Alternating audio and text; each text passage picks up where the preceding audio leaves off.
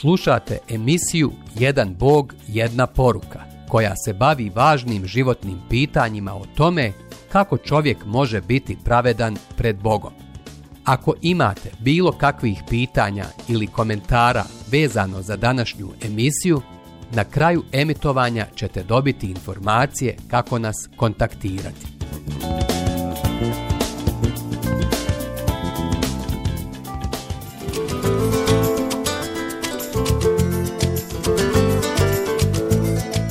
Jedan Bog, jedna poruka.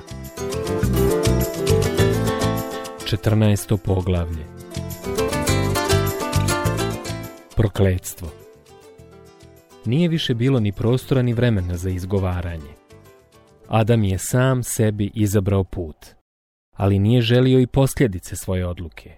Sve živo, sve stvoreno sada nijemo sluša kako pravedni sudac izriče seriju presuda, prokletstava i posljedica grijeha prvih ljudi. Zmija Evo šta je gospod proglasio zmiji. Na to Jahve Bog reče zmiji. Kad si to učinila, prokleta bila među svim životinjama i svom zvjeradi divljom. Pod trbuhu svome puzat ćeš i zemlju jesti sveg života svog. Neprijateljstvo ja zamećem između tebe i žene, između roda tvojeg i roda njezina. On će ti glavu satirati, a ti ćeš mu vrebati petu. Postanak, treća glava, 14. i 15. stih. Ko je zmija kojoj se gospod obraća? Zar je stvoritelj stvarno bio gnjevan na gmizavca? Božanske riječi svetog pisma ponekad nose dvoslojnu poruku, posebno ako je riječ o usporedbama ili proroštvima. Prvi sloj je očigledan, površinski, a drugi je onaj manje uočljiviji, dubinskog značenja. Upravo je takva i ova objava prokledstva. Dakle, prokledstvo zmije je dvoslojno. Prvi sloj. Vječita slika. Prvo prokledstvo je izrečeno zmiji u obliku vjerovatno najstarije i najpoznatije slike u istoriji svijeta.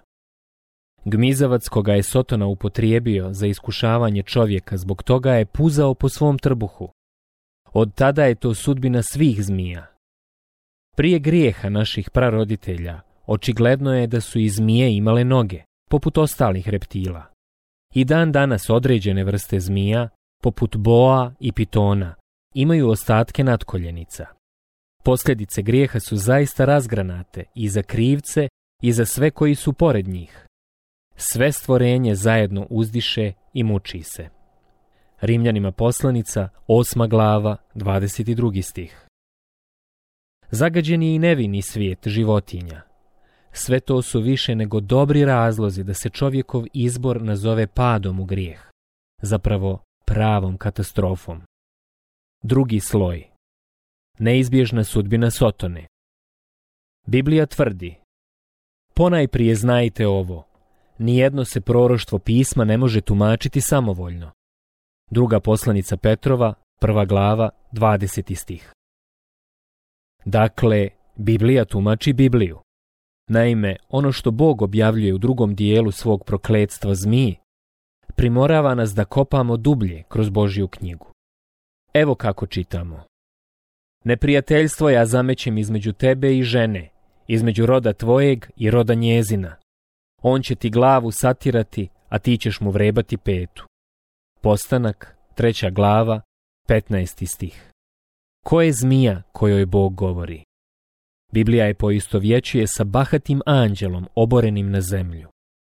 Knjiga proroka Izaije, 14. glava, 12. stih. On je zmaj veliki, stara zmija, imenom đavao, sotona, zavodnik svega svijeta. Otkrivenje, 12. glava, 9. stih. Dakle, zmija nije bila niko drugi nego Sotona. Služeći se izrazima primjerenim zmije, Bog je prorekao propast đavola i svih koji ga slijede. Postojaće neprijateljstvo, nepomirljivi sukob između Sotoninog sjemena, to jest potomstva, i ženinog sjemena, njenog potomstva. Sve će se okončati krahom zmine glave i sve to će se desiti prema božanskom planu i rasporedu. Dva tipa sjemena O kakvom je to sjemenu riječ? Na koga se odnose izrazi sjeme zmino i sjeme ženino? Sjeme zmino su svi bogoborci, svi koji su u opiranju Bogu i koji slijede Sotonu. Svi ti i svi takvi su djeca đavolja. Isus kaže, Vama je otac đavao i hoće vam se vršiti prohtjeve oca svoga. On bijaše čovjeku ubojica od početka i nestajaše u istini, jer nema istine u njemu. Kad govori laž, od svojega govori jer je lažac i otac laži.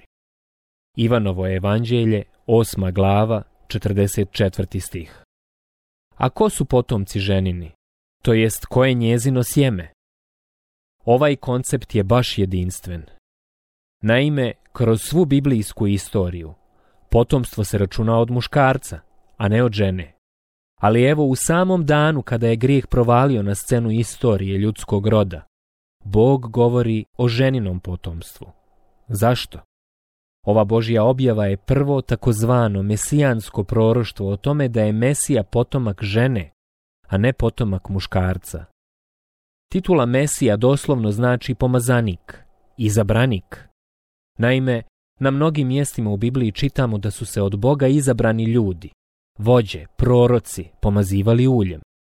Ono im je izlivano na glavu kao znak da su od Boga izabrani za neku posebnu službu, za neki izuzetan zadatak. Mesija je drugačiji od svih. On je pomazanik sa velikim P u pravom trenutku istorije će kao izabranik ući u svijet, da smrću obeskrijepi onoga koji imaše moć smrti, to jest đavla, pa oslobodi one koji, od straha pred smrću, kroz za sav život bijahu podložni ropstvu. Hebrejima poslanica, druga glava, 14. i 15. stih. Ali tog trena Bog nije u potpunosti objavio svoj naum, tog dana kada je grijeh zarazio ljudski rod. Ipak, ovo proroštvo Adamu i Evi je pravi zametak, najava potomstva, najava nade. Ovo početno obećanje sadrži brojne suštinske istine koje će i proroci kasnije najaviti sa znatno više pojedinosti. Prokledstvo obavještavajući Adama i Evu o proroštvu za potomstvo ženino, koje će satrti glavu zmije, gospod ih je upoznao i sa praktičnim posljedicama njihovog grijeha. Te su posljedice nazvane prokledstvom. A ženi reče, trudnoći tvojoj muke ću umnožiti, u mukama djecu ćeš rađati, žudnja će te mužu tjerati, a on će gospodariti na tobom. A čovjeku reče, jer si poslušao glas svoje žene, te jeo sa stabla s kojega sam ti zabranio jesti rekavši, s njega da nisi jeo. Evo, zemlja neka je zbog tebe prokleta, s trudom ćeš se od nje hraniti svega vijeka svog. Rađat će ti trnjem i korovom, a hranit ćeš se poljskim raslinjem. U znoju lica svoga kruh svoj ćeš jesti dokle se u zemlju ne vratiš. Ta iz zemlje uzet si bio, prah si, u prah ćeš se i vratiti. Postanak, treća glava, od 16. do 19. stiha. Izbor prvih ljudi da se pobune protiv svog stvoritelja imao je zastrašujuću cijenu. Radost stvaranja porodice od sada će pratiti nevolje i bol.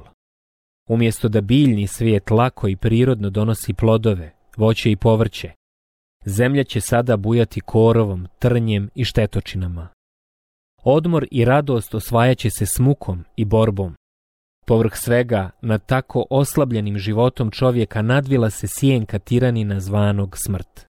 Čovjek je izgubio ulogu gospodara. Grijeh je donio prokledstvo. Da li je smrt prirodna? Kogod omalovažava sveto pismo smatra da su bolesti, zaraze, stradanja, zlo, starenje i smrt sasvim normalne stvari. Ali kada razumijemo šta se dogodilo padom u grijeh i njegovim proklinjanjem, razumjet ćemo i kako stvari funkcionišu u ovom i ovakvom našem naruženom svijetu.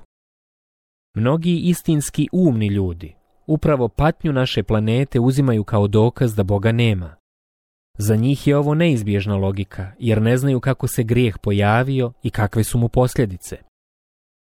Senegalci vole reći, uglavnom o sahranama. Bog je stvorio smrt prije nego što je stvorio život. I mnogima je ovakva filozofija utješna. Možda. Ali prkosi i zdravoj logici i Bibliji, za koju je smrt posljednji dušmanin koji će biti poražen. Prva poslanica Korinčanima, 15. glava, 26. stih. Zlo, boli, nevolje, stradanje i smrt možda izgledaju kao normalni, ali su ipak uljezi. Normalni su onoliko koliko su normalne ćelije raka u tijelu zdrave osobe. Trnje na prelijepim ružama, znoj dok se žanje ljetina. Prkos u maloj preslatkoj djeci, omalovažavanje žene od strane muža, bol porodilje tokom porođaja, bolesti koje razaraju imuni sistem, ružni procesi starenja, užas umiranja i smrti, kada nam se tijelo vraća u prašinu. Ne, sve to nije dio prvobitnog Božijeg plana. Bog nije osmislio stvoreni svijet koji će ratovati protiv samog sebe. Prije pada u grijeh, čovjek je vladao tvorevinom. Sve je bilo u potpunoj potčinjenosti Adamu i njegovoj ženi mir i pravednost su ispunjavali zemlju, a onda su naši praroditelji krenuli stazom grijeha i smrti i sa sobom povukli sve svoje potomke, sav ljudski rod. Sva je tvorevina ogrijehovljena. Ali to nije pošteno, reći ćete zajedno s mnogim drugim ljudima. Zašto bi bilo ko stradao zbog grijeha nekog drugog? Svako čini svoje izbore i pred Bogom smo za njih odgovorni. Ali, reko smo već, istina je i da živimo u prokletom svijetu. Ona poslovica Volofa, eh kad bi zaraza ostala na svome uzročniku, je dovoljno riječita. Takva je i priroda grijeha. Život je postao nepošten jer je plod Adamovog grijeha. Jer znamo sve stvorenje zajedno uzdiše i muči se u porođajnim bolima sve do sada. Rimljanima poslanica, osma glava, 22. stih. Sve, baš sve je ogrijehovljeno, sve je zagađeno grijehom. Ali tu je i dobra vijest. Još od tog dramatičnog početka Bog je imao rezervni plan spasenja.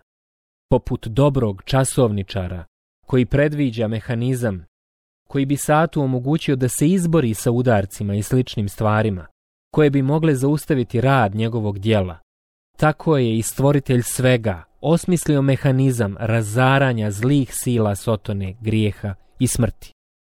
Imao je razlog zašto je dopustio grijehu da uđe u savršeni svijet i imao je plan za ustavljanje grijeha, njegovih prokletstava i iskazivanja milosti svima koji se pouzdaju u njega bol, grijeh i smrt nisu bili na početku Božje priče, pa ih neće biti ni na njenom kraju.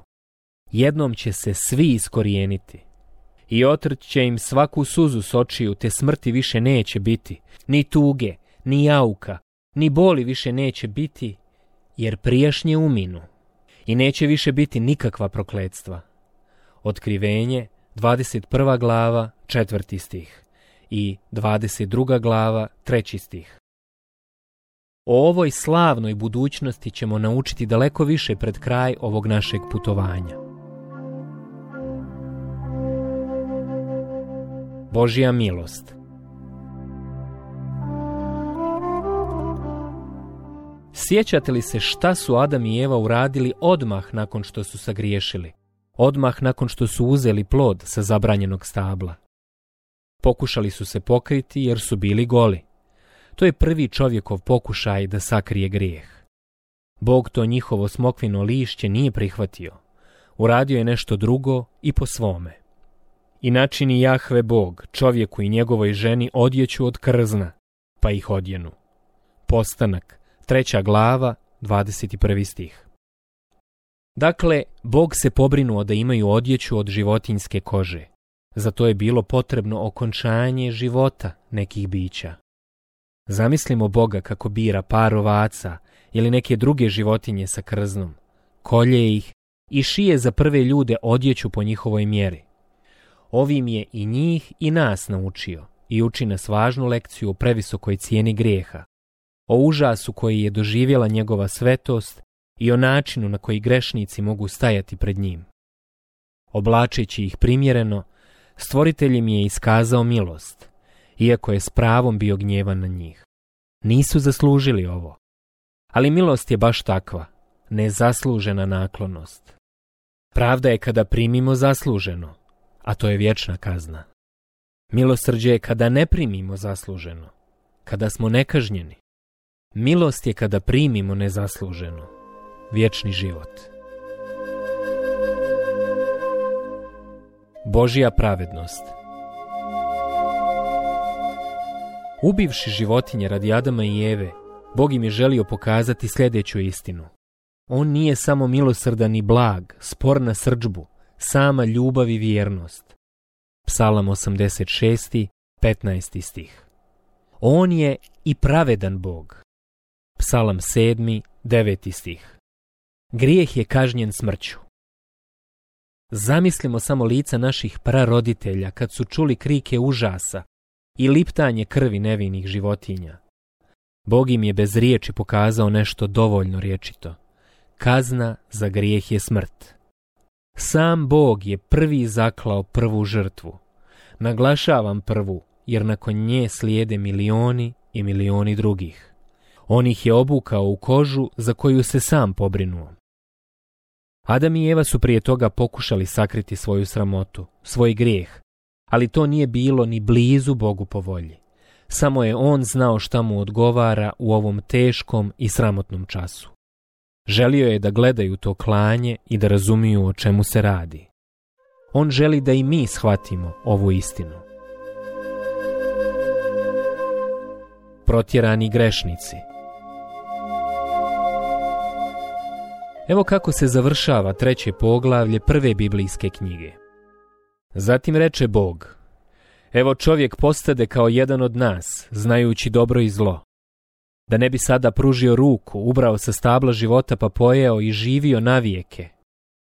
Zato ga Jahve Bog istjera iz vrta Edenskoga, da obrađuje zemlju iz koje je i uzet.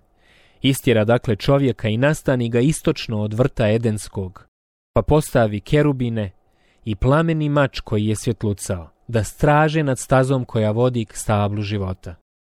Postanak, treća glava, od 22. do 24. stiha. Kao što su Lucifer i njegovi sljedbenici, pali anđeli, bili istjerani sa neba, nakon što su se otvoreno pobunili protiv Boga, tako sada prvi muškarac i prva žena bivaju istjerani iz zemaljskog raja zbog prezira Božije volje. Čovjek je protjeran iz Božije prisutnosti i udaljen od drveta života. Ne miješajmo ga sa drvetom spoznaje dobra i zla. Negdje pred kraj ovog našeg proučavanja, našeg putovanja, bacit ćemo još jedan pogled na ovo posebno drvo koje se nalazi u nebeskom raju. Drvo života je simbol dara vječnog života što ga Bog daje svima koji se pouzdaju u njega i njegov plan spasenja. Jedući sa tog stabla, i saznavši za dobro i zlo, Adam i Eva su odbacili put ka vječnom životu i krenuli putem vječne smrti. Time su svojim grijehom sasvim razorili bliskost neba i zemlje. Adam i Eva su imali jako, jako ozbiljan problem. I mi ga imamo.